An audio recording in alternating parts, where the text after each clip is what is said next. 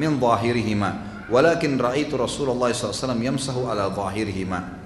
Kalau seandainya agama ini bisa diambil dengan akal artinya harus disesuaikan semua wahyu dengan akal. Yang benar adalah akal menyesuaikan diri dengan wahyu. Jangan dibalik. Makanya banyak kelompok-kelompok atau orang menisbatkan diri kepada Islam dia tolak wahyu. Dan dianggap tidak sesuai dengan akalnya ada orang menolak tentang azab kubur ada orang menolak tentang adanya malaikat. Ada beragam macam hal pemahaman yang salah. Karena mereka mendahulukan akal dari wahyu. Yang benar adalah harus akal menyesuaikan diri dengan wahyu. Ikut dengan wahyu. Wahyu bilang ah ya akalnya sesuai untuk atau menyesuaikan diri dengan wahyu tersebut. Beliau mengatakan kalau agama ini bisa diambil dengan pendapat orang, semua orang bisa kasih pendapatnya semaunya saja, maka tentu berpendapat tentang mengusap kaos kaki dari atas, ya, dari bawah, lebih pantas daripada atasnya. Tapi saya melihat Nabi SAW mengusap bagian atasnya. Maksudnya apa? Dalam Islam tentu ada hadis ya Nabi SAW yang membolehkan namanya mashul khuf, mengusap kaos kaki. Kata Nabi SAW dalam hadis Bukhari Muslim bagi musafir, bagi mukim sehari semalam dan bagi musafir tiga hari tiga malam. Apa itu masul khuf?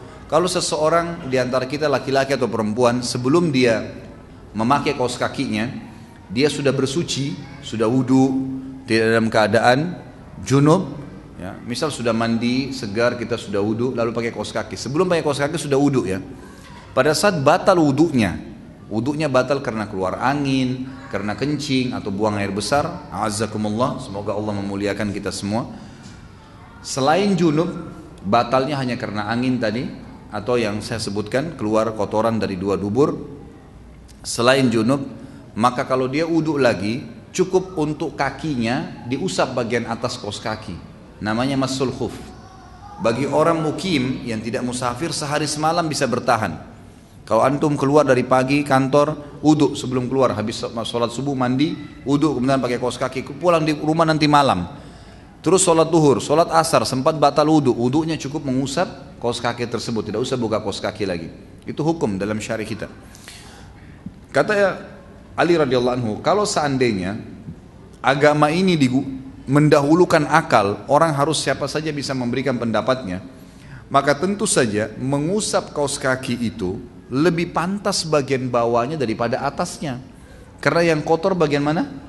Bawah. Tapi agama ini bukan diambil dari pendapat. Memang wahyu yang menuntun. Akal yang harus sesuai dengan wahyu tersebut. kita masuk kepada poin yang terakhir dalam penutupan bahasan kita adalah Ali radhiyallahu anhu memerangi kaum khawarij yang keluar di zaman beliau. Jadi ada dua kelompok dalam Islam yang ekstrim sekarang. Menisbatkan diri pada Islam, tapi mereka keluar dari agama Islam jauh sekali. Kelompok yang subhanallah, kedua kelompok ini muncul di zaman Ali radhiyallahu anhu. Kedua kelompok ini muncul zaman Ali. Dan kita sudah tahu kita disuruh berpegang teguh pada sunnahnya Rasulullah SAW dan sunnah khulafa Rashidin. Di zaman Abu Bakar terjadi fitnah dan ulama mengatakan peperangan yang terjadi terfokus kepada Musailam al-Kadzab dan beberapa orang yang seperti Al-Aswad al-Unsi yang lainnya yang keduanya mengaku sebagai nabi setelah Nabi Shallallahu Alaihi Wasallam. Dan Abu Bakar memerangi. Maksudnya apa? Di tengah umat ini siapa pun yang mengaku ada Nabi setelah Nabi Muhammad SAW diperangi. Emang begitu? Dalam Islam tidak diakui itu masalah namanya Ahmadiyah. Mustahil. Nggak mungkin. Nabi SAW mengatakan akan keluar di hadis hadis sahih riwayatnya Muhammad akan keluar 50 orang dajjal. Semuanya pembohong mengaku nabi setelahku. Ketahuilah aku penutup para nabi. Abu Bakar di zaman beliau Allah berikan kepada pelajaran kepada kita untuk menuntun ya atau uh, mengikuti mencontohi khulafaur rasyidin terjadi beliau memerangi Musailam al-Kadzab dan Aswad al-Unsi yang mengaku sebagai nabi. Sampai tidak lagi fitnah itu. Di zaman Umar dan Uthman, dua-duanya terkenal dengan ekspansi Islam. Ekspansi, jihad, perang, memasukkan Islam ke negeri Persia, ke negeri Romawi, besar-besaran. Dua khalifah ini. Di zaman Ali, penutup khalifah Rashidah ini, Allah subhanahu wa ta'ala memberitahukan kepada kita umat Islam akan adanya dua kubu yang mengaku Islam, tapi mereka keluar dari Islam. Kalau tadi panjang lebar saya jelaskan tentang pengikut-pengikut Abdullah bin Sabah, lahirnya kelompok Syiah. Dan subhanallah pendirinya seorang Yahudi. Kadang-kadang ada orang malu atau takut menyampaikan di tengah umat. Kenapa harus takut? Kelompok ini salah. Mereka mengatakan Quran kita kurang, mereka mengkafirkan sahabat dan pendirinya Abdullah bin Sabah. Orang Syiah sendiri tahu siapa pendirinya. Tapi mereka tidak mau akui kalau itu sebagai orang Yahudi yang pura-pura masuk Islam. Buku-buku kita ahli sunnah semuanya dinukil dengan riwayat yang sahih menyebutkan siapa Abdullah bin Sabah. Gitu kan? Jelas-jelas pendirinya orang Yahudi.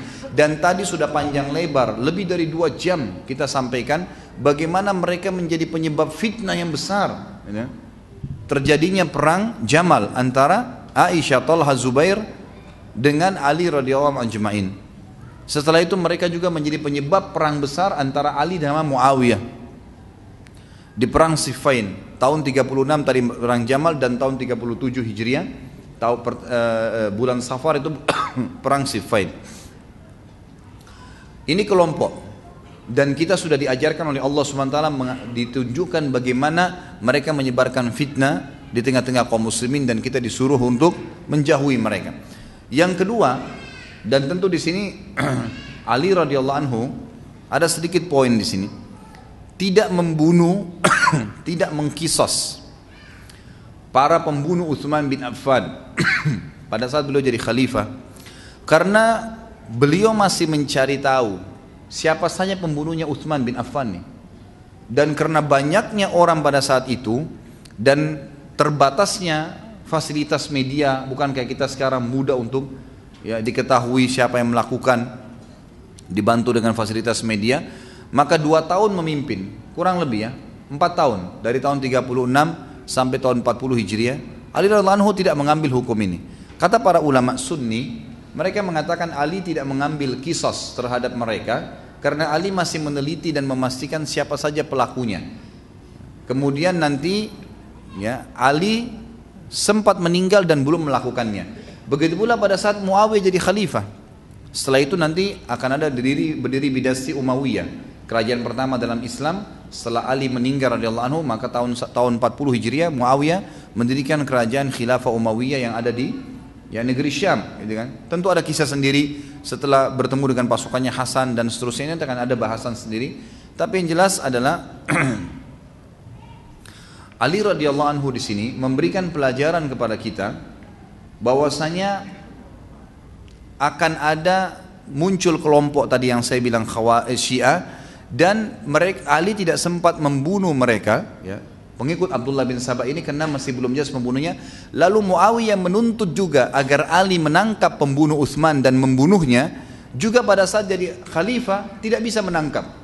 Kenapa tidak bisa menangkap? Karena tidak jelas siapa orangnya. Semuanya orang pada saat itu menusuk Uthman bin Affan padahal Muawiyah sempat menuntut darahnya Uthman awalnya gitu kan karena Uthman setelah jadi khalifah pun tahu bahwasanya apa yang Ali ambil keputusan memang tepat. Ali radhiyallahu anhu membiarkan sampai ada kepastian. Dan memang satu persatu dikisos akhirnya. Seperti di zaman uh, setelah Muawiyah di zaman Hajjaj ya. Di zaman Yazid bin Muawiyah nanti kita lihat ada beberapa pembunuh Uthman yang ketangkap sampai di zaman Abdul Malik bin Marwan. Barulah semua pembunuh Uthman yang masih hidup terbunuh semuanya, terbunuh semuanya dan termasuk sudah kita jelaskan terakhir ada yang ditemukan di Irak ya, di negeri Syam yang matanya buta, kakinya dan tangannya semuanya putus yang sambil menangis-menangis mengatakan saya celaka, saya akan masuk neraka. Saya sudah sampaikan pertemuan yang lalu itu ya. Kemudian orang-orang bertanya, kenapa kau bilang begitu? Dia bilang, saya termasuk salah satu dari yang membunuh Uthman ratusan orang yang masuk gitu kan saya termasuk yang membunuh Uthman dan Uthman sempat melihat pada saat saya memotong tangan eh, menampar istrinya berkata semoga Allah membutakan matamu memputuskan tangan dan kakimu dan semoga kau masuk neraka dia bilang mata saya sudah buta kaki saya dan tangan saya sudah putus tinggal doa Uthman yang belum kena adalah saya masuk neraka sungguh kecelakaan buat saya gitu maka orang-orang yang mendengarkan pun berkata, semoga kau masuk ke neraka. Pantas kamu masuk neraka. Kenapa kau bunuh Utsman? Apa hubungannya? Mertua, anak mantu Nabi SAW, orang yang terhormat lalu dibunuh. Itulah kurang lebih gambaran tentang kelompok yang muncul yang pertama. Kelompok yang kedua, ini ekstrim yang kedua, gitu kan? Namanya kelompok Khawarij. Siapa kelompok Khawarij ini? kelompok yang sudah disebutkan oleh Nabi Shallallahu Alaihi Wasallam kelompok yang sudah disebutkan oleh Nabi Shallallahu Alaihi Wasallam dengan istilah khawarij langsung nama itu dari Nabi SAW seperti misalnya riwayat yang sahih riwayatkan Imam, Imam Ahmad di jilid 4 hadis 355 Ibnu Majah nomor 173 dan Al-Hakim jilid 1 nomor 219 ini cukup banyak riwayat-riwayat dan juga disahihkan oleh Syekh Al-Bani dalam Sahih Al-Jami nomor 3374 kata Nabi SAW Al-Khawariju kilabun nar. Kelompok Khawarij adalah anjing-anjingnya neraka. Kelompok ini digelarkan oleh Nabi seperti itu Bukan dikatakan penghuni neraka saja ya, anjingnya neraka. Kok sampai separah itu? Siapa kelompok ini? Nanti akan kita lihat. Kemudian kata Nabi Shallallahu Alaihi Wasallam juga dalam hadis yang lain riwayatkan oleh Imam Majah nomor 168, Imam Ahmad jilid 1 404 dan juga At-Tirmidzi dari Ibnu Mas'ud radhiyallahu anhu Nabi SAW mengatakan inna fi qatlihim ajran azima indallahi liman katalahum Siapa pun yang membunuh mereka nanti kalau muncul kelompok khawarij itu maka pahalanya sangat besar di sisi Allah Subhanahu wa taala. Bayangkan hadis yang kedua ini. Hadis yang pertama mereka adalah anjing-anjing neraka. Hadis yang kedua menjelaskan apa? Memerangi mereka, membunuh mereka pahalanya sangat agung. Kata Nabi SAW, ajran azima. Pahala yang sangat besar di sisi Allah subhanahu wa ta'ala. di dalam hadis yang lain, Kata Nabi SAW di dalam hadis sanadnya Hasan diriwayatkan oleh Ibnu Abi Asim dalam kitab Sunnah nomor 906 dari Abdullah bin Abi Aufa dan juga diriwayatkan oleh Imam Ahmad di jilid 4 nomor 357. Kata Nabi SAW, Tuba liman qatalahum wa qataluhu. Sungguh beruntung orang yang memerangi mereka dan mereka membunuhnya. Artinya kalau sampai mati di tangan khawarij, beruntung orang itu, mati syahid dia. Kan? Seperti itu gambarannya. Di dalam hadis yang lain Hadis sahih riwayat Bukhari nomor 300 eh, 3344 Imam Muslim 1064 dan juga Imam Muhammad di jilid 3 nomor 4. Diriwayatkan juga dalam sahih hadis kata Nabi sallallahu alaihi wasallam La in adraktumu la in adraktuhum la aqtulannahum la in adraktuhum la aqtulannahum qatla thamud kalau seandainya kata Nabi aku hidup pada zaman itu dan mendapati mereka, niscaya aku akan membunuh mereka seperti pembunuhan kaum Samud. Artinya kaum Khawarij nih. Bayangkan luar biasa ya. Jadi ini sabda Nabi SAW bukan perkataan saya. Pertama hadis tadi mereka adalah anjing-anjing neraka. Kedua pahala kalau membunuhnya sangat besar. Yang ketiga beruntunglah orang yang dibunuh dan yang memerangi mereka. Yang keempat kata Nabi SAW kalau saya temukan mereka maka saya pun akan membunuhnya atau akan membunuh mereka seperti membunuhnya kaum Thamud. Kemudian juga dalam hadis yang lain kata Nabi SAW hadis sahih diriwayatkan Nasai dalam khasais Ali diriwayatkan oleh Abdullah bin Ahmad dalam As-Sunnah. Lau ya'lamul jaishu alladhi yusibu yusiba yusi lau ya'lamul jaishu alladhi yusibunahum ma qudiya lahum ala lisani nabiyihim lattakalu alal amal. Seandainya bala tentara yang menyerang Khawarij mengetahui apa yang telah ditetapkan untuk mereka melalui lisan nabinya Muhammad sallallahu alaihi wasallam, niscaya mereka tidak beramal lagi setelah itu.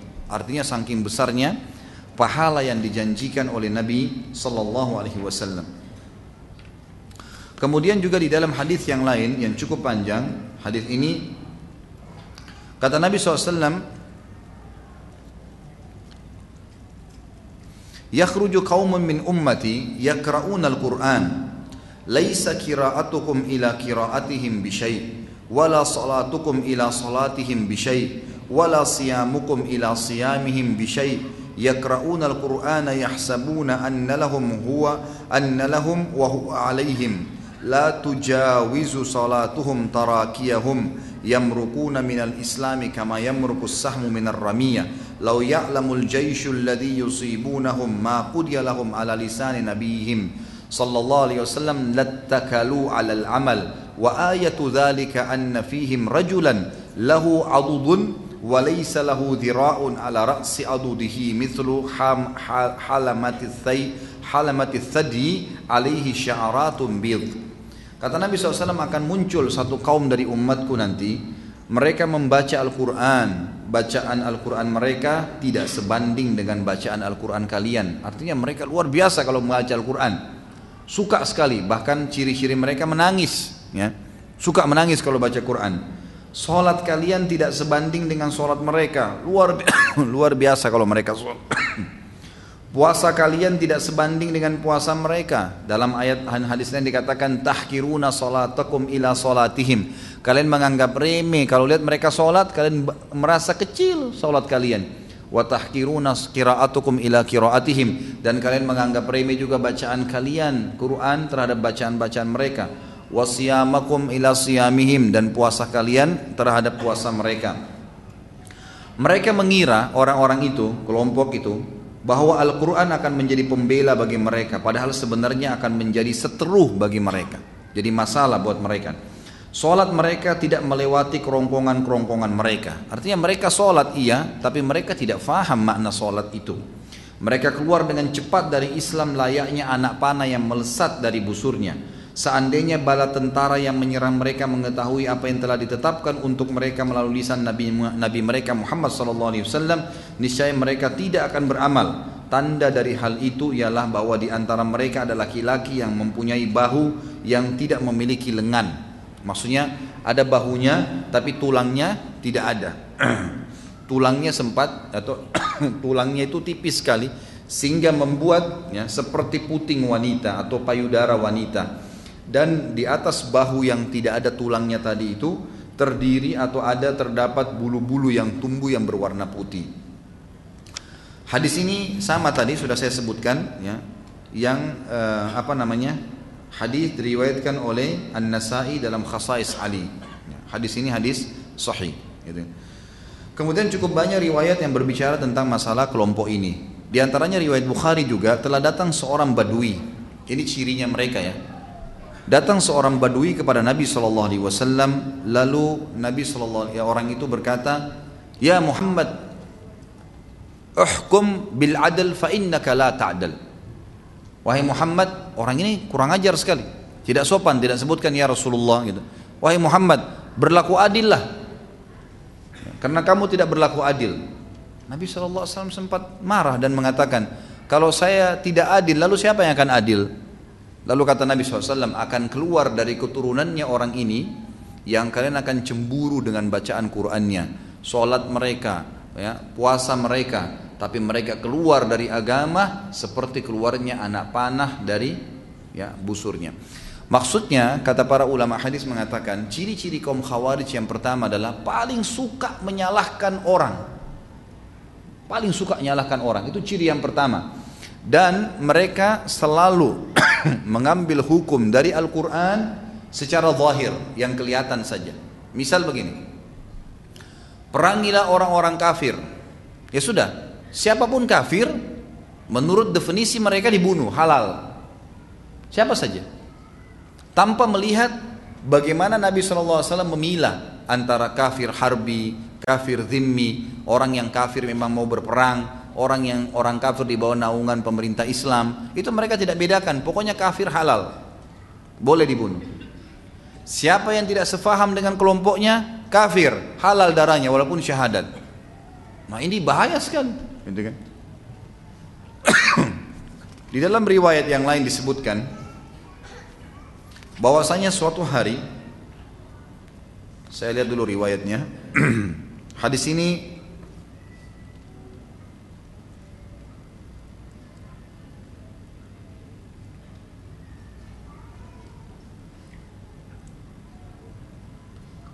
Ya. Diriwayatkan oleh Imam Ahmad dalam musnadnya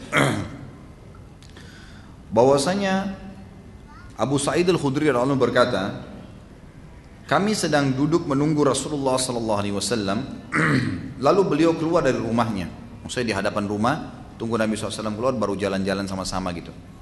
Lalu keluarlah Nabi SAW dari rumahnya, salah satu rumah istri beliau. Lalu Abu Sa'id berkata, maka kami berdiri mengikuti beliau SAW. Lalu sandal beliau putus. Maka Ali berhenti untuk memperbaikinya. Rasulullah SAW berjalan dan kami terus mengikutinya. Maksudnya sendal Nabi salah satu yang tidak disebut tidak disebutkan kanan atau kiri terputus talinya. Kemudian dibiarkan oleh Nabi SAW. Nabi tetap jalan. Ali radhiyallahu berdiri, berhenti, mengikat tali itu kembali. Jadi dia tertinggal. Sementara Nabi dengan para sahabat jalan terus gitu kan. Lalu Nabi SAW bersabda, Inna minkum man yuqatil ala ta'wili hadal Qur'an kama qataltu ala tanzili.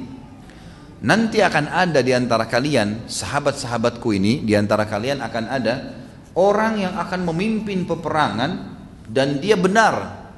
Dia akan memerangi kelompok orang yang mengambil Quran, gitu kan, secara takwil. Jadi interpretasinya sendiri, penjabarannya dia sendiri. Dia ambil hukum, begitu dia fahamin, tidak ambil pendapat ulama, langsung diterapkan. Seperti itu. Jadi dia tidak ambil hukum, jadi tidak belajar ilmu Al-Quran ini seperti apa yang diturunkan, tidak ambil dari pendapat para sahabat. Karena nanti kita akan jelaskan kapan jelasnya keluar kelompok Khawarij di zamannya Ali.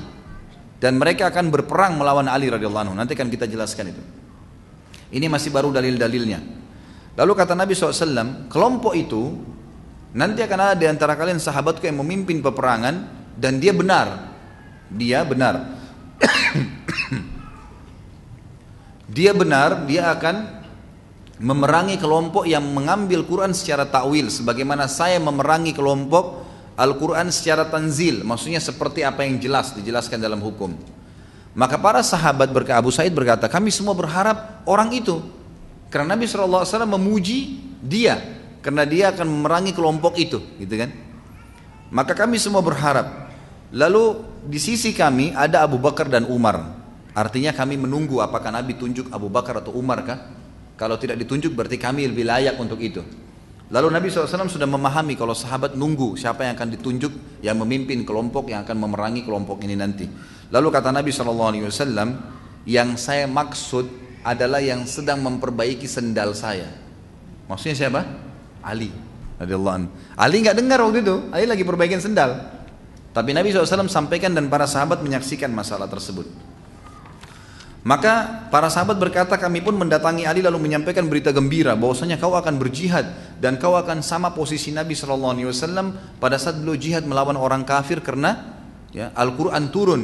Maka karena mereka menyalahfahami Al-Quran engkau memerangi mereka.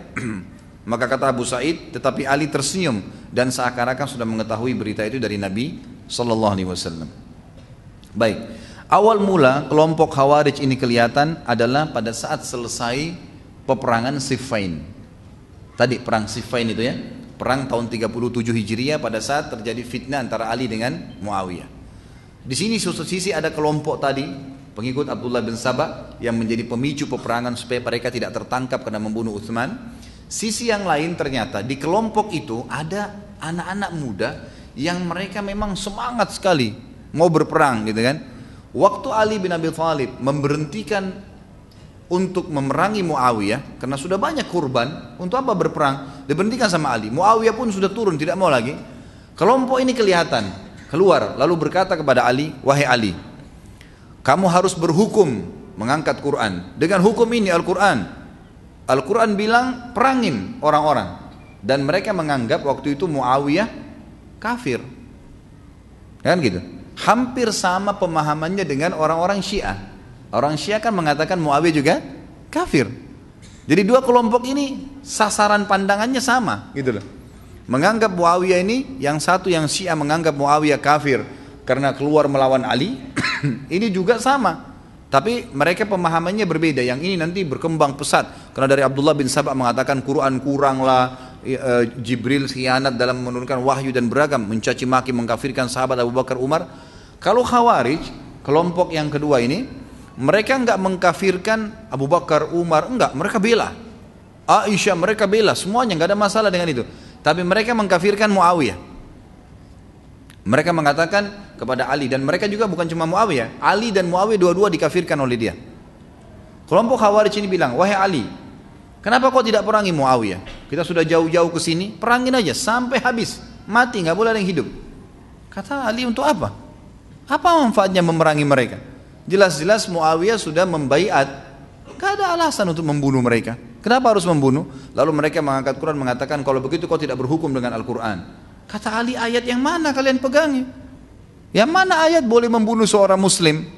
Mereka bilang pokoknya kalau kau tidak perangin Muawiyah, berarti kau akan keluar, tidak berhukum dengan hukum Allah dan kami anggap kamu kafir.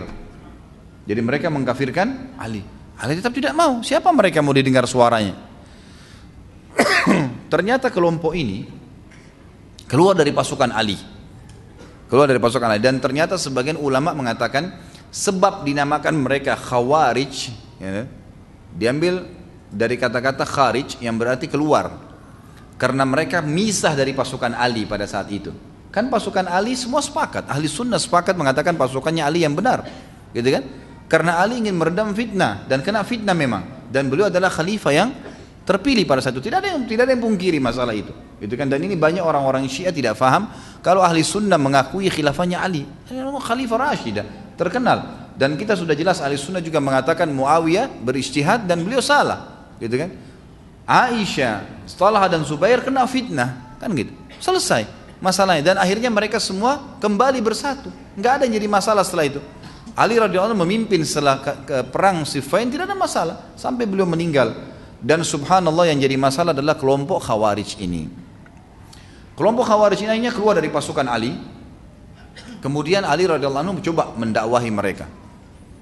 Diutuslah kepada mereka sahabat Nabi yang mulia Abdullah bin Abbas. Bayangkan ya Abdullah bin Abbas ini hibrul ummah kata Nabi SAW. Artinya apa? Lautannya umat ini. Abdullah bin Abbas ini orang yang paling pintar. Islam tidak lagi lebih pintar daripada Abdullah bin Abbas. Kata Nabi SAW berummah gitu kan. Ali utus ke mereka. Coba Abdullah bin Abbas ke sana, dakwahin mereka. Yang taubat, yang kembali cuma dua tiga orang. Selebihnya ada mungkin lebih dari seribu orang tetap tidak mau. Enggak, Ali kafir. Dari mana kafir? Mana dalilnya? Mana ayatnya orang bisa dikatakan muslim kafir? Sementara sahabat Nabi yang terkenal Zaid bin uh, Usama bin Zaid sempat mengangkat pedangnya kepada satu orang di zaman Nabi SAW gitu kan? Kemudian orang itu syahadat. Waktu dia sudah syahadat ini Usama ragu tapi dibunuh juga sama Usama. Terdengar oleh Nabi SAW kata Nabi SAW kenapa Usama aku lakukan itu? Dia bilang ya Rasulullah dia syahadat karena takut lihat pedang saya.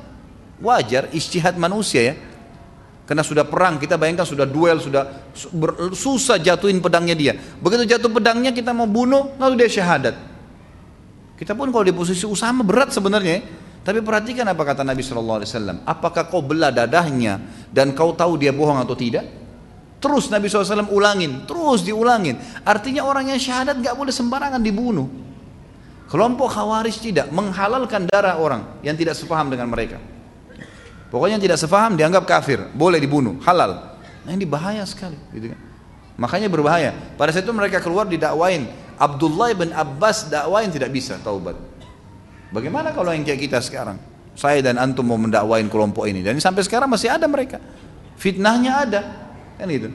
Kata Nabi SAW, ciri-ciri khawarij dalam hadis lain riwayat Al-Hakim adalah anak-anak yang sangat mudah dan mereka tidak mengikuti Al-Quran ini sebagaimana tanzilnya, sebagaimana diturunkan. Maksudnya, turun Al-Quran kepada Nabi, Nabi jelaskan kepada para sahabat. Artinya harus kita fahami Al-Quran seperti pemahamannya sahabat. Kalau kita fahami semau kita, semua jaringan-jaringan jaringan Islam liberal lah, apalah, semua mengaku pegang Al-Quran, tapi takwil semaunya. Kan gitu. Bukan sepahaman sahabat.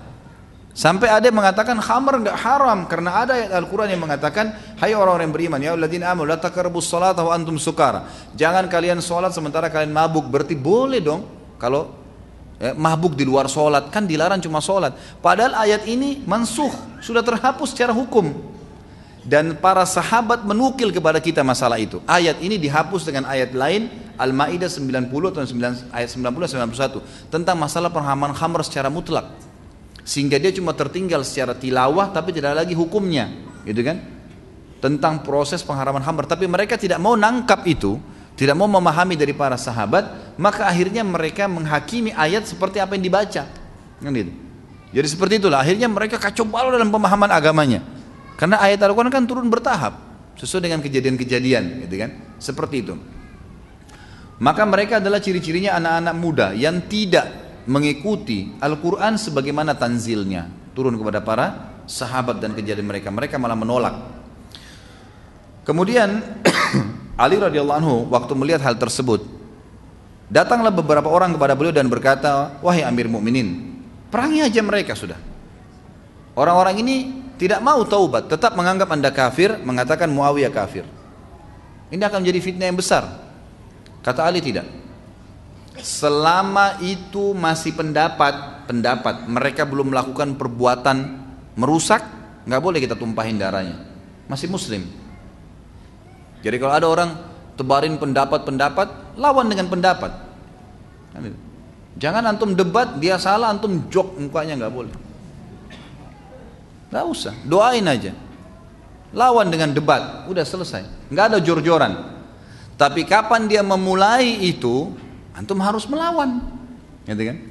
Makanya pada saat kaum khawarij ini yang tadi keluar dari pasukan Ali itu, dia tahu Ali mau kembali ke Kufa, di tengah jalan mereka kembali duluan, lalu mereka mulai membunuh. Siapa pun yang mereka sebarin, Ali kafir, Muawiyah kafir. Ada orang bilang, siapa yang bilang? Dibunuh. Pokoknya harus sefaham dengan mereka. Mengatakan dua sahabat ini kafir, gitu kan? Yang tidak sefaham dibunuh. Sampai-sampai dalam beberapa riwayat dikatakan mereka membunuh wanita hamil yang ditemukan di tengah jalan. Ini bahaya fitnah. Waktu mereka sudah tumpahkan darah sampai ke telinga Ali, kata Ali sekarang halal untuk diperangi. Maka Ali kejar dengan pasukan. Ringkas cerita, sampailah mereka di sebuah sungai, gitu kan. Lalu terjadi pertemuan antara pasukan mereka dengan Ali, itu pun Ali masih sempat dakwahi. Taubatlah kalian, ini pemahaman yang salah. Dari mana kalian bisa mengkafirkan sahabat-sahabat Nabi? Dari mana ayat yang kalian bisa mengatakan harus memerangi Muawiyah sampai mati? Dari mana itu? Tetap aja mereka tidak mau. Maka sama Ali diperangi. Subhanallah terjadi peperangan. Terbunuhlah pasukan-pasukan itu. Ya, terbunuh mereka. Waktu mereka terbunuh, kata Ali, cari, cari orang yang telah Nabi saw tunjukkan dalam hadisnya. Siapa tadi cirinya? Seorang laki-laki yang pundaknya tidak ada, seperti tidak ada tulangnya, kemudian lembek seperti payudara wanita pundaknya dan beberapa riwayat mengatakan sikunya ya, dan ditemui dengan bulu yang berwarna putih. Maka pasukannya Ali membongkar-bongkar jenazah mereka satu-satu. Sampai ditemukan, pada saat ditemukan orang tersebut, maka Ali pun dengan pasukannya sujud syukur di, di kancah peperangan. Kenapa kata Nabi? Ya, kalian siapa yang membunuhnya mendapatkan pahala yang besar. Inilah kelompok yang dimaksud oleh Nabi Sallallahu Alaihi Wasallam. Tapi ternyata pemahaman-pemahaman mereka ini terus berpegang, terus berkembang. Jadi waktu yang diperangi oleh Ali cuma yang ada di pasukan Ali ya. Ternyata pemahaman ini banyak. Jadi sudah mulai tersebar nih bahwasanya memang Muawiyah ini fitnah. Sampai ada tiga tokoh mereka disebutkan oleh beliau di sini. Ada namanya Abdurrahman bin Muljam. Dan ini akan membunuh Ali nantinya. Jadi yang membunuh Ali adalah orang Khawarij ini. Kemudian ada yang kedua Al-Barak ya, bin Abdullah dan Amr bin Bakr At-Tamimi. Tiga orang ini. Mereka membincangkan keadaan kaum muslimin dengan semangat. Bagaimana kita selamatkan Islam ini dengan cara ini pemerintah begini bunuh saja. Ini pokoknya bicaranya masalah bunuh. Gitu kan. jalan keluar tidak ada penyelesaian dengan solusi diskusi nggak ada. Melihat permasalahan apa tidak ada. Pemahamannya secara zahir saja. Salah bunuh. Selesai. Gitu kan.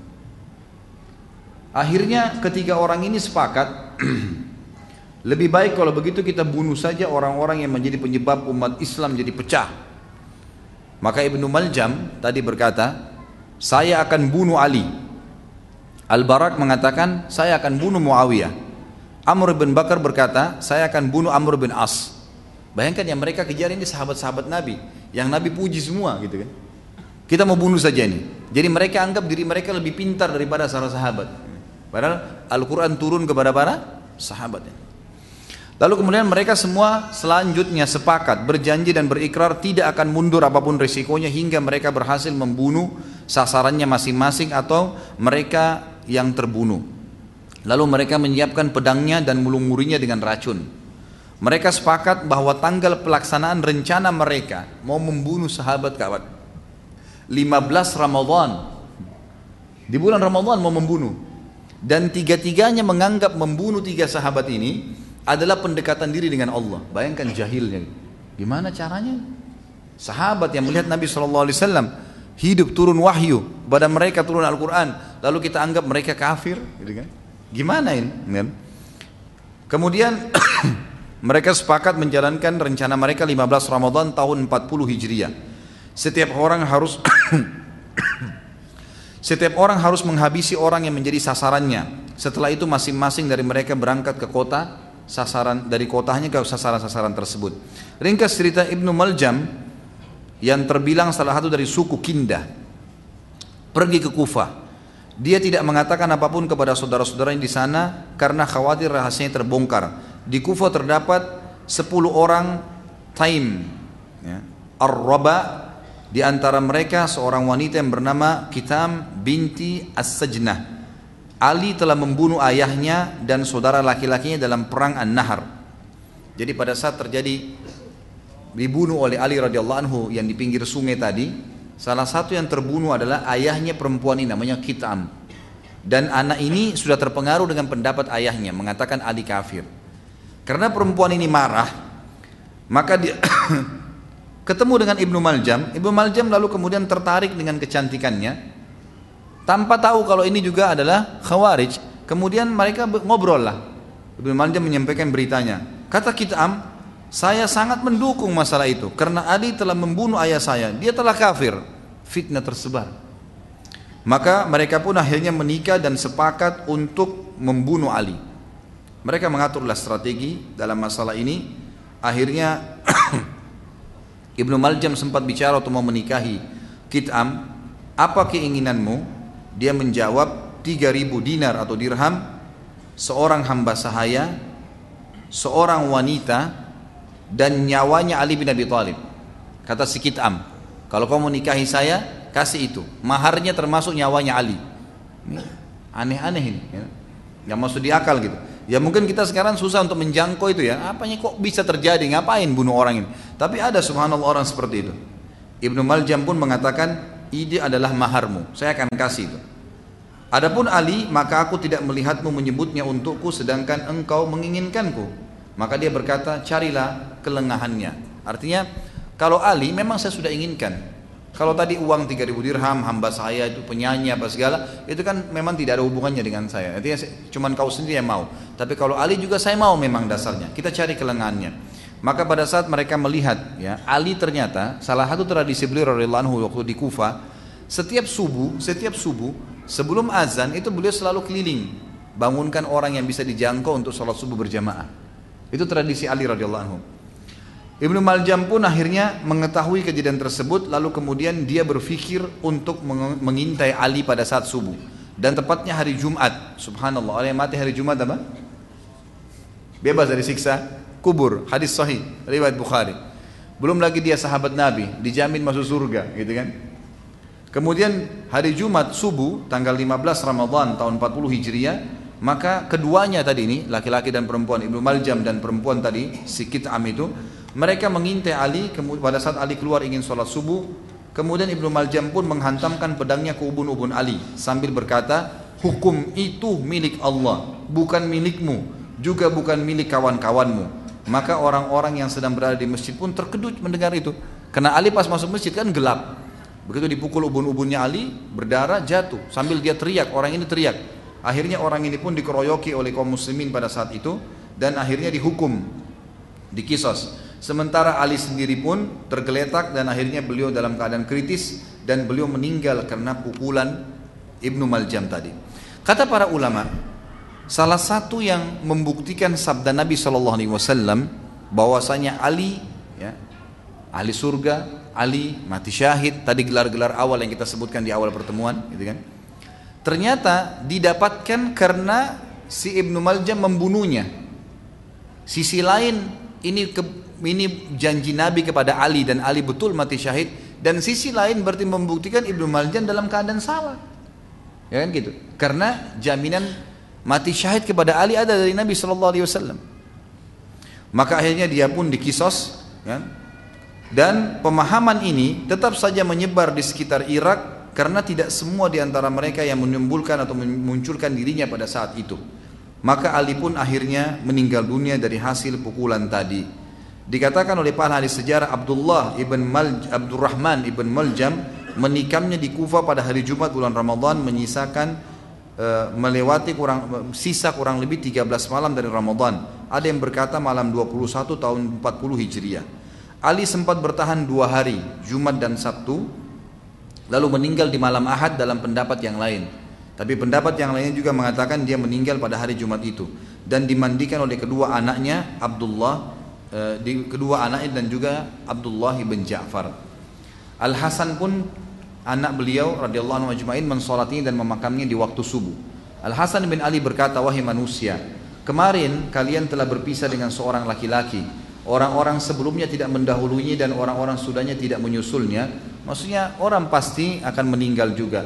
Rasulullah SAW mengirim pasukan lalu beliau menyerahkan panji kepadanya. Maka dia tidak pulang hingga Allah memberikan kemenangan kepadanya. Jibril di tangan kanannya, di kanannya dan Mikail di kirinya dia tidak meninggalkan emas dan perak selain 700 yang dia sisakan dari gajinya dan dia siapkan untuk membeli seseorang pelayan.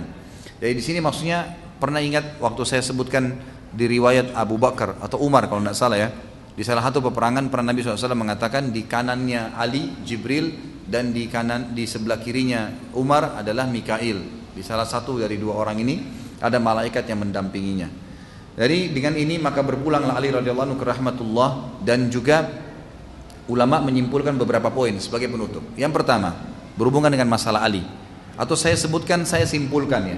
Saya tidak mengatakan ulama karena saya ambil dari apa yang sebenarnya sudah kita baca dan apa yang saya ketahui selama ini. Yang pertama, Allah Subhanahu wa taala ingin menunjukkan kepada umat ini apa yang akan terjadi di tengah-tengah kubu mereka sampai hari kiamat. Dari terjadinya Abu Bakar zaman Abu Bakar diperanginya orang-orang yang mengaku ada Nabi setelah Nabi Muhammad SAW dan dicontohkan Abu Bakar memerangi mereka sampai habis fitnah ini. Berarti kita harus melakukan itu.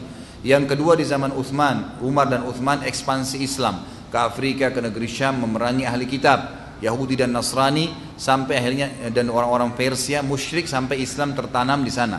Yang ketiga adalah masa Ali bin Abi Thalib munculnya dua kelompok yang berbahaya yang umat Islam harus berhati-hati dari mereka meninggalkan. Syiah dari satu sisi Abdullah bin Sabah pendirinya, kemudian juga dari sisi yang telah menyebabkan fitnah dan akhirnya berperangnya sahabat dan dari sisi yang lain kaum Khawarij yang akhirnya membunuh dan mengkafirkan juga Ali serta ya Muawiyah. Allahu alam. Ini pelajaran yang pertama yang kita bisa ambil bahwasanya memang Nabi Allah SWT ingin menyampaikan kepada kita pesan dari hadis Nabi SAW alaikum bisunnati wa sunnatu khulafa rasyidin mahdin min ba'di addu alaiha bin nawajid berpegang teguh pada sunnahku dan sunnah khulafa rasyidin setelahku berpegang teguhnya berpegang teguhlah pada keduanya walaupun dengan gigi geraham kalian maksudnya semua kejadian di zaman Nabi SAW di zaman Khulafaur Rashidin itulah yang akan sering terjadi di tengah-tengah umat. Tapi yang saya ingin beratkan munculnya kelompok-kelompok yang berbahaya ini. Kemudian yang kedua figur Ali radhiyallahu anhu adalah figur yang ditokohkan oleh ahli sunnah.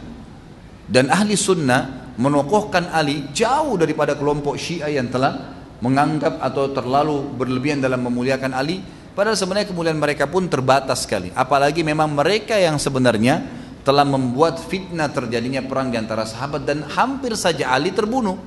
Gitu kan? Bisa saja Ali terbunuh atau perang Jamal atau perang Siffin, tapi mereka penyebabnya. Ini pelajaran yang lain, gitu kan? Bahwasanya Allah Subhanahu wa taala memberikan gambaran kepada kita tentang adanya kelompok-kelompok ini. Yang selanjutnya adanya kelompok Syiah dan kelompok Khawarij yang memang harus kita berhati-hati di dalamnya. Tentu ini hal-hal yang pelajaran yang diambil. Kalau dari sisi kepribadian Ali, Ali radhiyallahu anhu adalah orang yang perlu dijadikan sebagai panutan dari sisi ilmu, kezuhudan dan keberaniannya. Ya, ilmu, kezuhudan dan keberaniannya. Dan juga dari Ali diambil pelajaran bahwasanya Nabi SAW mengajarnya keterampilan perang sehingga dia sangat berani dalam membela Allah dan Rasulnya sehingga Nabi SAW memberikan kepadanya bendera atau panji di perang Khaybar karena dianggap dia tidak akan pernah lari dari kancah peperangan. Tidak pernah lari dari kancah peperangan. Jadi tidak ada rasa takut dalam membela agama Allah subhanahu wa ta'ala. Mungkin ini insya Allah kita bahas berhubungan dengan Ali radhiyallahu anhu. Tentu kalau teman-teman mendapatkan informasi yang lain tentang fadilah beliau ataupun ada hal-hal yang lain mungkin itu adalah hal yang biasa. Ya, ini keterbatasan saya dalam mengumpulkan data tapi insya Allah kita yang penting sudah mengambil pelajaran dari kisah beliau dan alhamdulillah Allah sudah mudahkan kita membahas empat orang khulafaur rasyidin dan sisanya insya Allah kita akan bahas nanti ya sahabat-sahabat yang lainnya. Tolong sebelum saya baca pertanyaan, pertanyaan sekitar permasalahan ya. sekali lagi jangan tanya masalah perbankan, asuransi, sholat. Ya.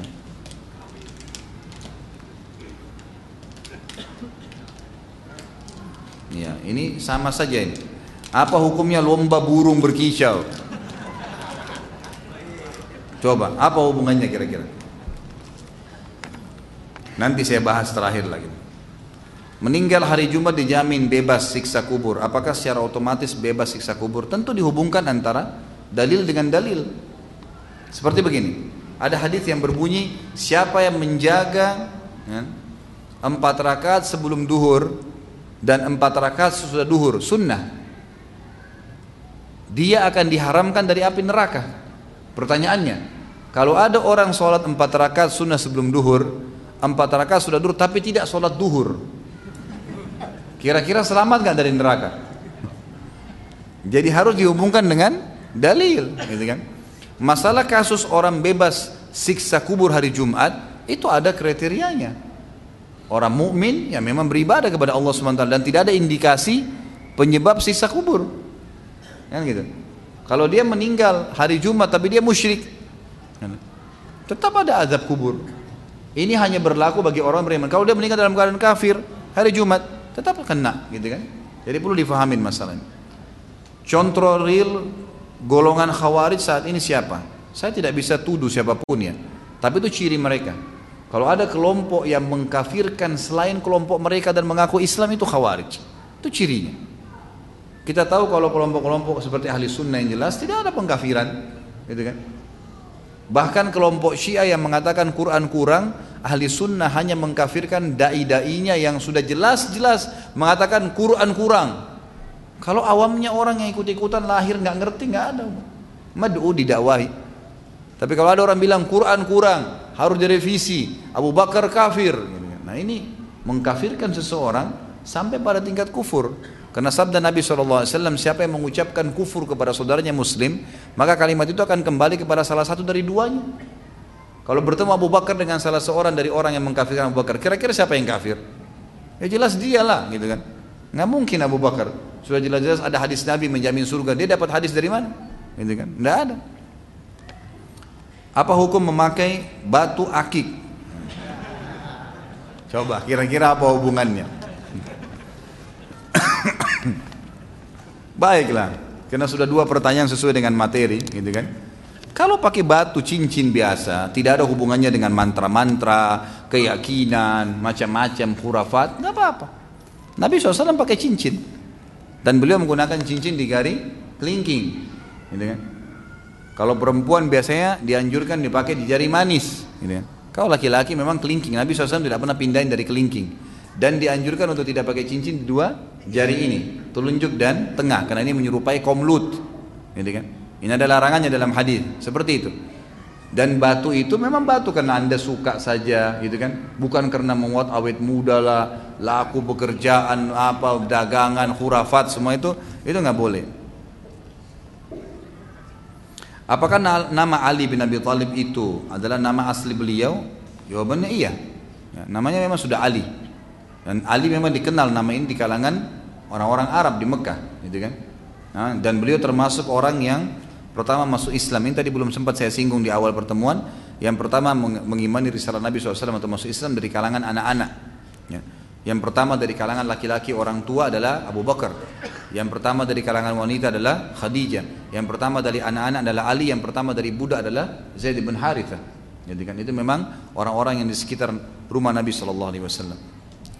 Apakah buku-buku yang mengatakan Ali dengan awalan Imam Ali itu adalah buku Syiah? Umumnya begitu. Umumnya ya. Karena memang tidak pernah secara khusus kaum muslimin mengatakan Imam Ali. Jadi dikatakan Ali radhiyallahu anhu, Abu Bakar radhiyallahu anhu dan perlu kita tahu ya. Di dalam bahasa Arab teman-teman sekalian, tidak sama sekali masuk dalam kategori tanda kutip kurang ajar kalau menyebutkan nama orang. Ya, perlu difahami ini ya. Allah Subhanahu wa taala selalu menyebutkan namanya saja. Dan Anda mengatakan Allah, ya Allah, gitu kan? Pernah gak kita khusus mengatakan ya Tuhan Allah? Enggak ada secara khusus. Dan itu bukan aib, bukan aib dalam bahasa Arab sama sekali. Karena tidak dihitung eh, ada perilaku buruk di situ. Kalau kita kan mungkin di Indonesia tradisi kita kalau manggil orang lebih tua tidak sopan kalau panggil namanya. Itu tradisi, tapi jangan ditarik kepada semua orang. Enggak, kalau di negara Arab itu biasa saja gitu kan. Biasa saja orang memanggil nama gitu. Allah Subhanahu wa taala memanggil nama-nama itu, memberikan nama surah Muhammad, surah Ibrahim, surah Nuh gitu kan. Ya itu biasa. Tentu kita bisa saja menghormati orang tetapi bukan dijadikan sebagai tolok ukur. Berarti orang yang tidak panggil dengan panggilan sebelumnya itu berarti tidak sopan. Itu enggak. Seperti misalnya kita mengatakan Nabi Muhammad sallallahu alaihi wasallam. Siapa Nabi anda? Muhammad sallallahu alaihi wasallam. Apakah itu tidak sopan kalau kita tidak bilang sayyidina? Enggak karena kita sudah jalankan sunnah Nabi. Berarti baca salawat setelah beliau kan? Setelah nama beliau itu yang dimaksud apakah ayah yang bekerja mencari nafkah bisa dikatakan termasuk berjihad? Iya, hadis sahih. Kan? Siapa pun yang mencari rezeki untuk keluarganya, hadis Bukhari itu. Ya. Ikhlas mencari rezeki, maka ya, dia seperti orang berjihad. Kenapa Ali bin Abi Thalib tidak ikut perang Tabuk? Ali radhiyallahu anhu ya pada saat itu disuruh menjaga Madinah. Gitu. disuruh menjaga Madinah. Oleh Nabi Shallallahu Alaihi Wasallam. Dalam beberapa riwayat disebutkan masalah itu. Dan menjalankan perintah Nabi Shallallahu Alaihi Wasallam berarti sebuah amanah. Gitu kan? Karena Nabi SAW biasanya kalau meninggalkan Madinah meninggalkan siapa yang menggantikan beliau? Ada penggantinya. Jadi kayak raja di situ gitu kan? Pengganti sementara. Seperti juga waktu Utsman bin Affan tidak ikut di perang Badar karena istrinya sakit dan Nabi SAW suruh Kenapa Fatimah radhiyallahu tidak mau dipoligami? Namun setelah Fatimah Az-Zahra meninggal, beliau meminta memiliki delapan orang istri. Bukan Fatimah tidak mau dipoligami. Jangan salah faham. Waktu Ali radhiyallahu anhu sedang hidup bersama Fatimah, dan itu kan poligami pilihan ya, opsi. Setiap laki-laki mau poligami bisa, tidak mau bisa. Yang ada dalam riwayat yang disebutkan Ali memang tidak melihat ada hajat poligami pada saat ada Fatimah. Sempat ada beberapa masyarakat Madinah yang menawarkan kepada Ali anaknya Abu Jahal. Ada perempuan anaknya Abu Jahal masuk Islam. Maka mereka bilang, wahai Ali nikahilah anaknya Abu Jahal. Lalu waktu Nabi SAW dengar, Nabi SAW naik di atas mimbar lalu mengatakan, saya tidak memungkiri hukumnya Allah. Artinya poligami itu adalah perintah. Silahkan yang mau kerjakan boleh, kata Nabi SAW. Tapi tidak layak anaknya Nabi bersatu dengan anaknya musuhnya Allah di bawah satu laki-laki. Jadi ada alasannya. Karena ayahnya dulu ini Abu Jahal, musuhnya Islam gitu kan. Ini anaknya Nabi, tidak layak berada di satu naungan laki-laki. Hanya itu saja sabda Nabi SAW. Jadi nggak ada penolakan poligami di sini. Sama sekali tidak ada. Setelah Fatimah meninggal dan Ali melihat ada hajat, dia menikah. Itu biasa saja. Tidak ada sesuatu yang perlu disorotin. Bagaimana cara menghadapi fitnah adu domba Syiah? Ya kita berusaha semaksimal mungkin. Tugas kita hanya berusaha. Kalau ada Syiah, orang yang paman salah kita jelaskan kalau itu salah. Ada fitnah yang sampai kita sampaikan, gitu kan? Mereka berusaha memerangi ya diperangi. Kan itu. Itu yang terjadi di Saudi sekarang Saudi nyerang Yaman karena mereka menyerang. Mereka sudah bilang musim haji ini kami akan serang Mekah. Tidak ada alasannya orang-orang Iran Syiah masuk ke Yaman. Apa urusannya? Gak ada urusannya gitu. Sama sekali nggak ada. Dan mereka menghancurkan masjid, menghancurkan, membunuh guru-guru hafal Quran. Banyak tapi tidak dinukil di media kita itu. Gitu kan? Jadi itu yang terjadi. Jadi kita dakwahin mereka, sampaikan. Tugas kita berusaha saja. Saya sudah kasih contoh tadi. Nabi Musa alaihissalam pada saat mencambuk tongkatnya di Laut Merah, usaha itu. Padahal bisa tanpa cambuk, bisa airnya naik. Bahkan hilang airnya Laut Merah bisa. Waktu Maryam alaihissalam duduk di bawah pohon kurma, apa kata Allah SWT? Wahuzzi ilaiki bijiz'in nakhla. Apa artinya huzzi itu? Goncang. Gitu kan? Goncangkan pohon kurma yang di sebelahmu wahai Maryam, maka tusakit alaiki rutaban jania. Nanti akan berguguran tuh eh, kurma-kurma mentah, kurma-kurma matang kepada kamu. Bapak eh, teman-teman sekalian, siapa pun di antara kita yang paling kuat tidak akan pernah mampu menggoyang pohon kurma. Apalagi wanita yang lagi hamil mau melahirkan. Tapi Allah mau kita berusaha. Nggak bisa mau digoncang bagaimana caranya? Gitu kan? Nggak mungkin. Tapi Allah mau manusia berusaha. Kita berusaha ikhtiar selebihnya dari Allah Subhanahu wa taala. Kalau kita mau bicara tentang pasukan jihad, selalu jumlahnya lebih sedikit, selalu senjatanya lebih sederhana. Tapi kita punya kekuatan iman kepada Allah Subhanahu wa taala. Allah yang memberikan kemenangan. Seperti itu. Apa yang dimaksud dengan gelar karramallahu wajha? Ini disebutkan kepada Ali. Sebagian ulama menggelarkan Ali dengan gelar tersebut. Ini riwayatnya tidak sahih. Makanya kita tidak sebutkan itu ya.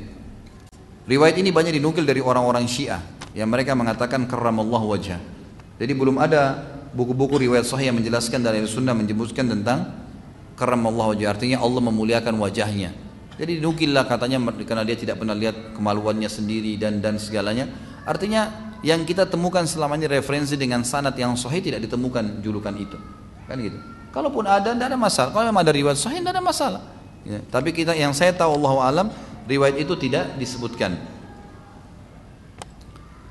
di awal kajian bukankah yang bergetar itu gunung Uhud mengapa batu itu lain lagi ada riwayat lain waktu selesai perang Uhud kemudian goncang gunung Uhud itu gunung Uhud itu lain Riwayat ini bukan Gunung Uhud, memang Jabal Nur yang ada Gua Hira. Dan ini riwayat yang berbeda. Itu ini fase Mekah itu fase Madinah. Jadi bukan cuma sekali terjadi goncang gitu kan. Ini yang dimaksud tadi. Mengapa kajian dosa besar nomor 2, 4, 9, 11 sampai 20, 25 sampai 35, 47 banyak insyaallah banyak sekali. 55 sampai 57 dan seterusnya tidak dapat kami temukan. Silakan tanya kepada kameramen kita di sini. Beliau yang bertanggung jawab itu. Ya, ya, tolong dicek kenapa nggak bisa ini.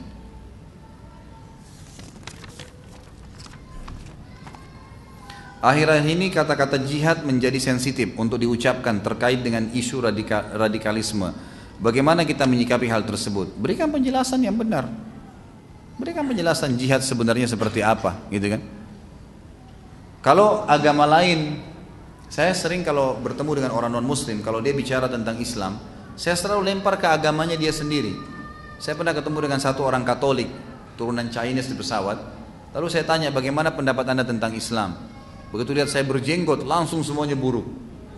Islam itu teroris, Islam itu keras begini, begitu semangat dia ngomong. Hampir setengah jam saya dengarin aja. Selesai dia ngomong saya bilang, Bapak sudah selesai? Sudah. Baik, saya muslim pak, bisa saya jelasin agama saya? Oh ya silakan pak, lalu saya jelasin. Pertama sekali saya balik apa yang selama ini dia bilang. Dari tadi dia bilang, saya bilang pak, kalau ada orang satu Katolik membunuh, bapak mau nggak kalau saya bilang semua Katolik membunuh? Oh nggak mau pak. Nah begitu juga Islam. Bagaimana caranya kalau satu orang melakukan satu perbuatan yang anda anggap buruk, anda pukul rata semuanya? Nggak bisa. Satu orang Indonesia membunuh, semua Indonesia buruk? Enggak lah. Seperti tidak sehat akalnya gitu kan? Nggak mungkin. Saya bilang begitu, bagaimana caranya? Satu orang abri buat salah, semua abri salah? Enggak pak, ya sudah. Lalu kemudian saya jelaskan, Islam tidak mengajarkan seperti itu. Dalam Islam ada namanya jihad. Jihad itu adalah membela, meninggikan kalimat Allah. Sekarang kalau anda Katolik diserang oleh agama apa saja selain Islam, anda punya hak membela nggak? Punya. Anda punya istilah nggak dengan masalah itu? Ada. Perang suci. Ya kami juga sama. Jihad itu perang suci, gitu kan? Kalau orang Islam diserang ya nyerang. Ya, Allah memberikan kita kelebihan untuk itu. Lalu saya jelaskan poin demi poin kepada mereka. Tidak usah khawatir teman-teman sekalian ya. Jangan justru dengan disebarkannya isu seperti ini lalu kemudian kita jadi khawatir menjelaskan. Justru saatnya menjelaskan. Ya, saatnya menjelaskan. Jihad adalah ibadah yang mulia di dalam agama kita. Gitu kan? Dan selalu saya jelaskan kalau itu salah. Kalau ada orang mengatasnamakan jihad kemudian membunuh sana sini sembarangan melakukan mengatasnamakan ini tidak benar. Harus ada syarat-syarat dan rukun-rukunnya. Benarkah sebutan Nabi besar bagi Nabi Shallallahu Alaihi Wasallam berasal dari Ahmadiyah? Karena dikatakan bahwa bagi Ahmadiyah Nabi besar itu Nabi Muhammad SAW, sedangkan Nabi kecil adalah Mirza Gulam Ahmad. Allahu alam.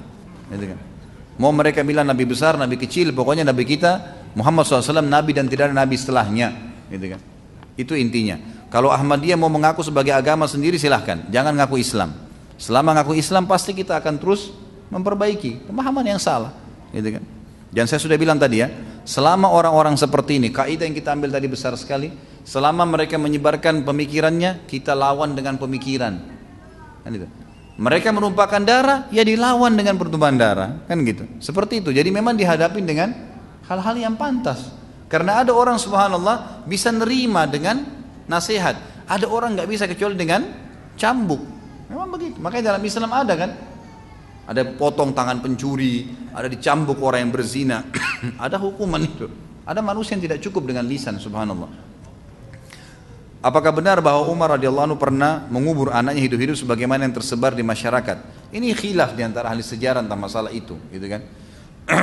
Ada yang mengatakan itu tidak benar karena tidak pernah dinukil riwayat itu. Ada ahli-ahli sejarah yang mengangkat kisah ini dan mereka bukan berarti dan ini ini bukan diangkat sebagai aibnya Umar, bukan, gitu kan? Ini malah disebutkan tentang kisah Umar dulu, dulu sebelum masuk Islam.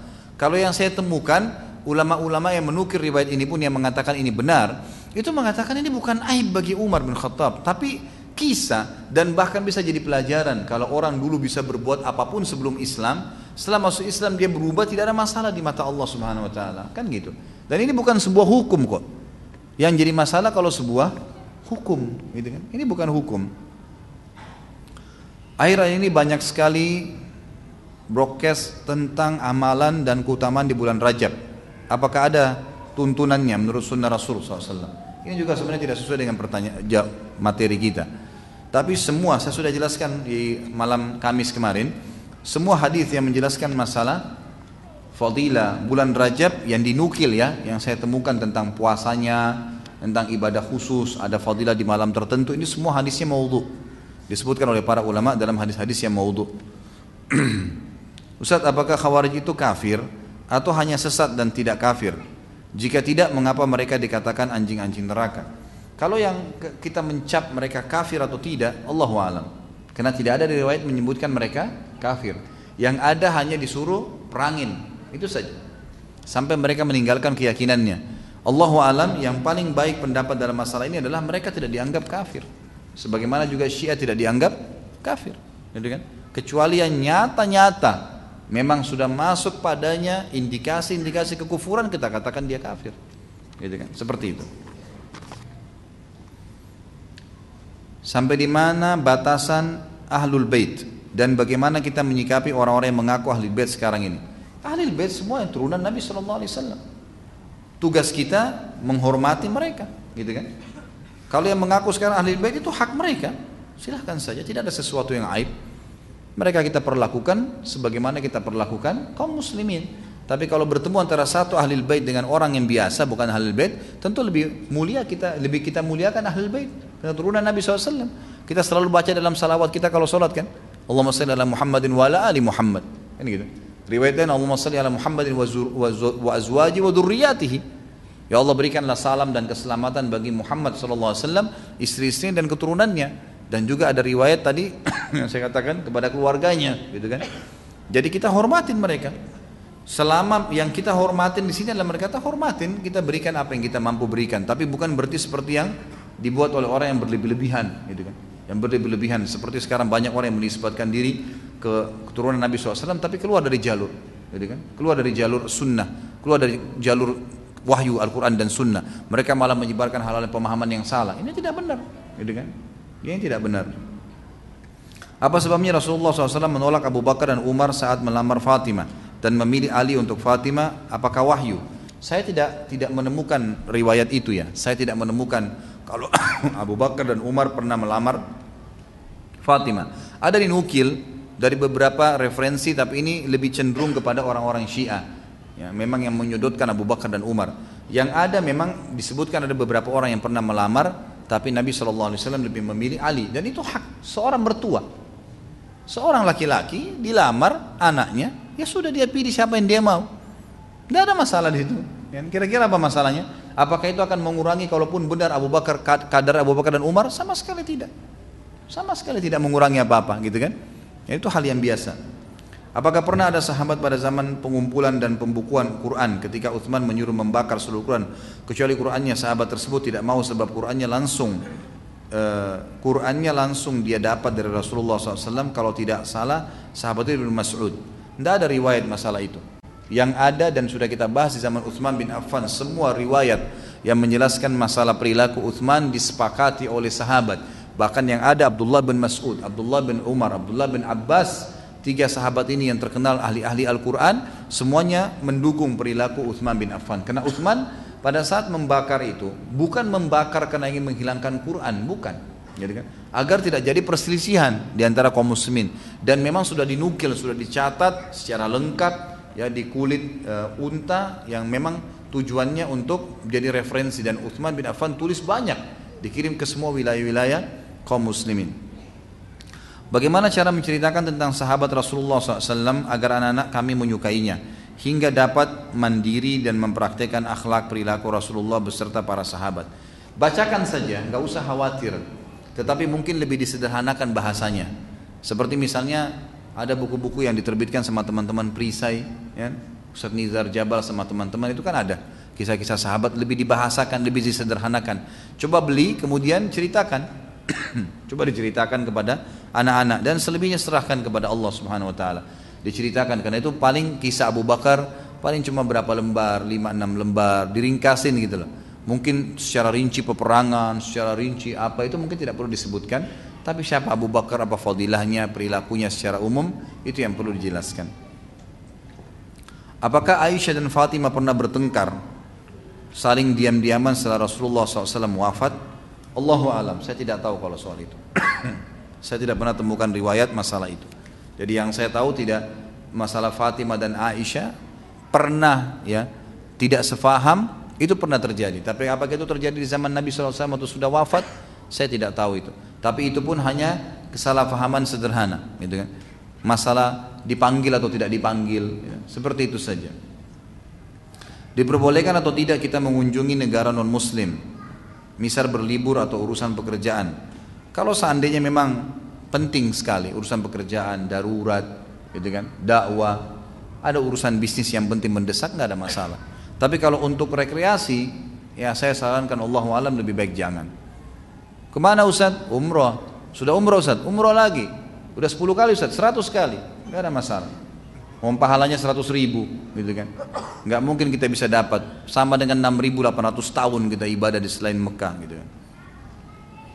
Apakah diharamkan jika seorang wanita keluar kota luar negeri tanpa mahram? Ini sudah sering kita jelaskan ya. maaf saya tidak jelaskan lagi ya. Saat ini banyak orang yang posting hadis di sosmed. Setiap melihat quote dari Ali radhiyallahu anhu, saya otomatis takut dan curiga quote tersebut palsu atau dikinan Syiah. Bagaimana cara membedakan mana yang palsu dan mana yang sahih? Tentu umumnya disebutkan referensi ya. Jadi kalau antum terima apa pun sifatnya bukan cuma Ali radhiyallahu anhu tentang siapa saja. Perhatikan paling tepat kalau di bawah ada referensinya. Kalau nggak ada jangan dinukil. Saran saya begitu. Lebih baik jangan dinukil gitu kan. Mau tanya, Wah ini jangan tanya toko saya di sini. Toko Pak Ustadz pindah di mana? Tanyanya di luar materi. Di Condet Raya nomor 50 ya. Loh iya.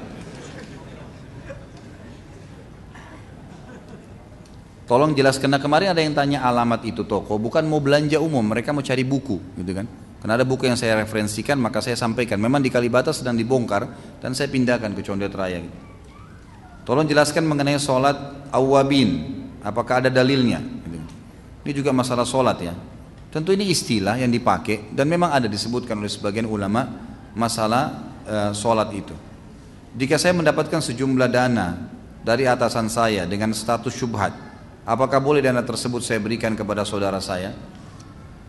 Ya kalau syubhat kalau anda bisa tolak lebih baik. Tapi kalau ditolak ada mudaratnya dalam arti kata memang syubhat ya. Kalau jelas haram nggak boleh. Jelas kita tahu itu uang korupsi uang haram lalu kita terima itu nggak boleh. Mutlak tolak walaupun harus dipecat. Nggak ada urusannya.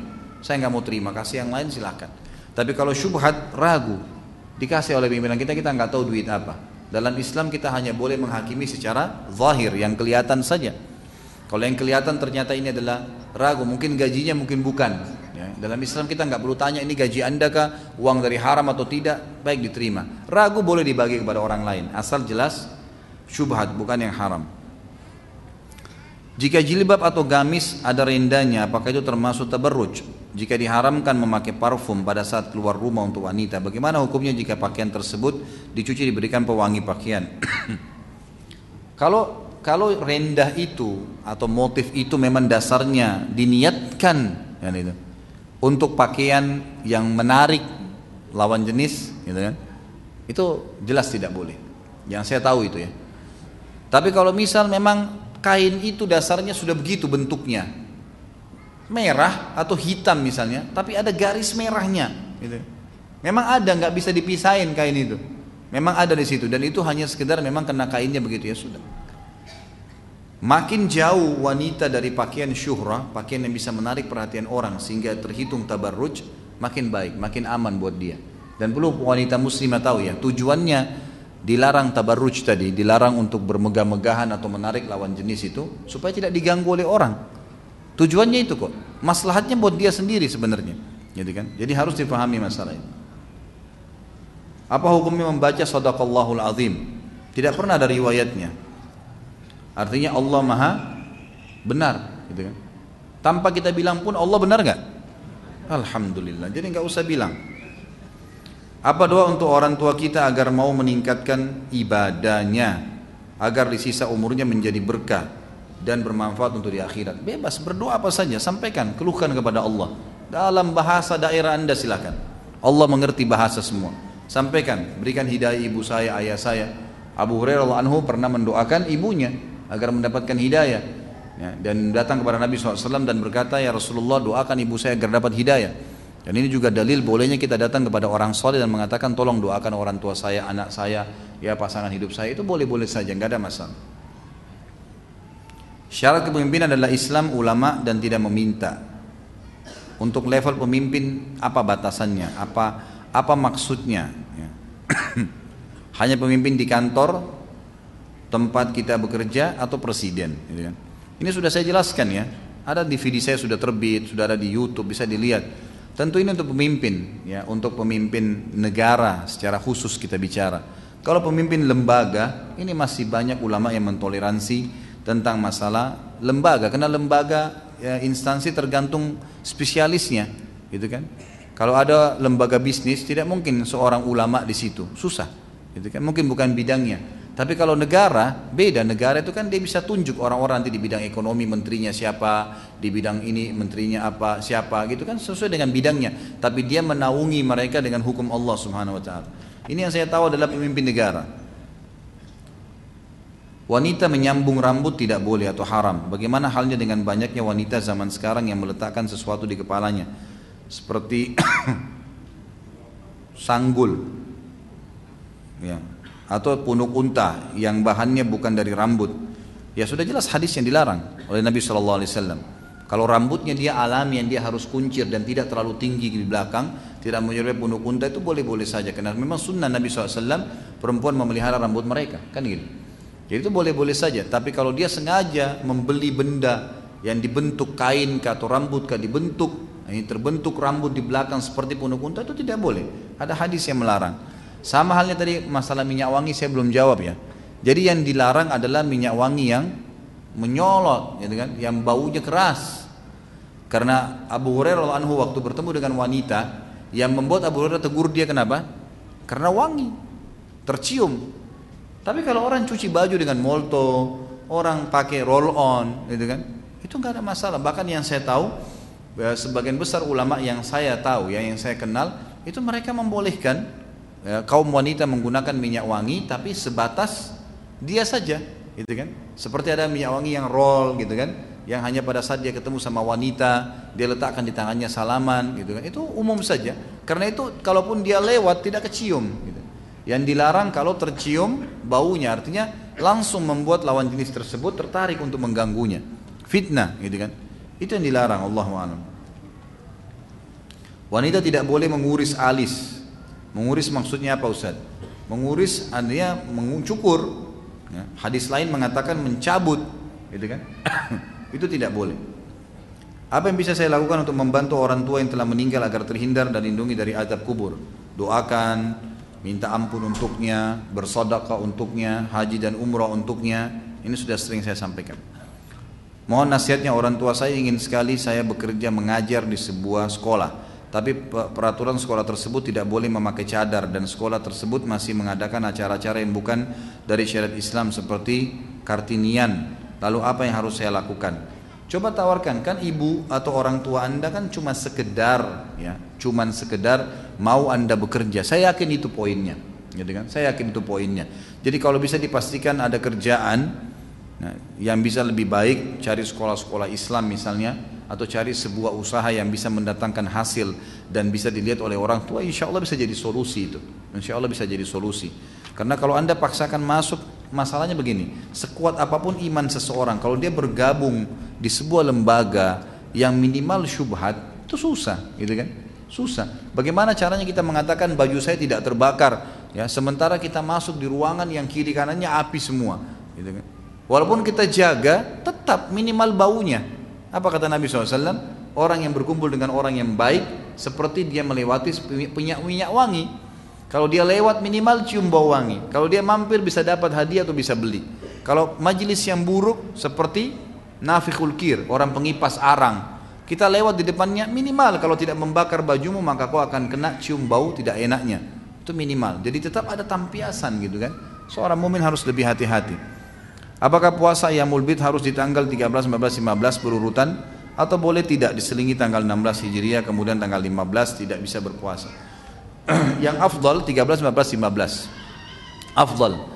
Lalu ulama menjabarkan mengatakan seperti Syekh Utsaimin rahimahullah mengatakan boleh tanggal berapa saja, boleh tanggal berapa saja, tapi tiga hari, mohon maaf, ulama-ulama seperti Imam Ahmad mengatakan boleh hari lain, tapi tidak berurutan, tidak harus 13, 14, 15, bisa berurutan tapi tidak harus 13, 14, 15. Jadi misal 1, 2, 3, 7, 8, 9 boleh. Syekh Utsaimin mengembangkan lebih jauh mengatakan sekarang fatwa terakhir beliau sebelum meninggal rahimahullah beliau mengatakan ayamul bid boleh juga. Tentu lebih afdal tiga hari berturut-turut tapi kalau orang ada uzur maka dia boleh menggantinya dengan hari lain. Intinya dia puasa tiga hari dalam satu bulan. Ya Allah alam ini yang saya tahu. Apakah benar kalau makan di masjid tidak akan mendapatkan rumah di surga dari mana ini? Nah, ini saya baru dengar. Jadi nggak nggak ada riwayat itu. Kalau disebutkan dalam riwayat di zaman Nabi Shallallahu Alaihi Wasallam ada saja, ya, ada saja orang makan di masjid. Kita tahu ada membuka puasakan orang di masjid, itu nggak ada masalah. Bagaimana kalau makan kecil atau minum? Insya Allah nggak masalah ya. Yang penting jaga kebersihan masjid, intinya itu. Mohon diterangkan tentang puasa Rajab sudah saya jelaskan tadi riwayatnya semuanya lemah. Bukan lemah lagi ya maudhu sebenarnya.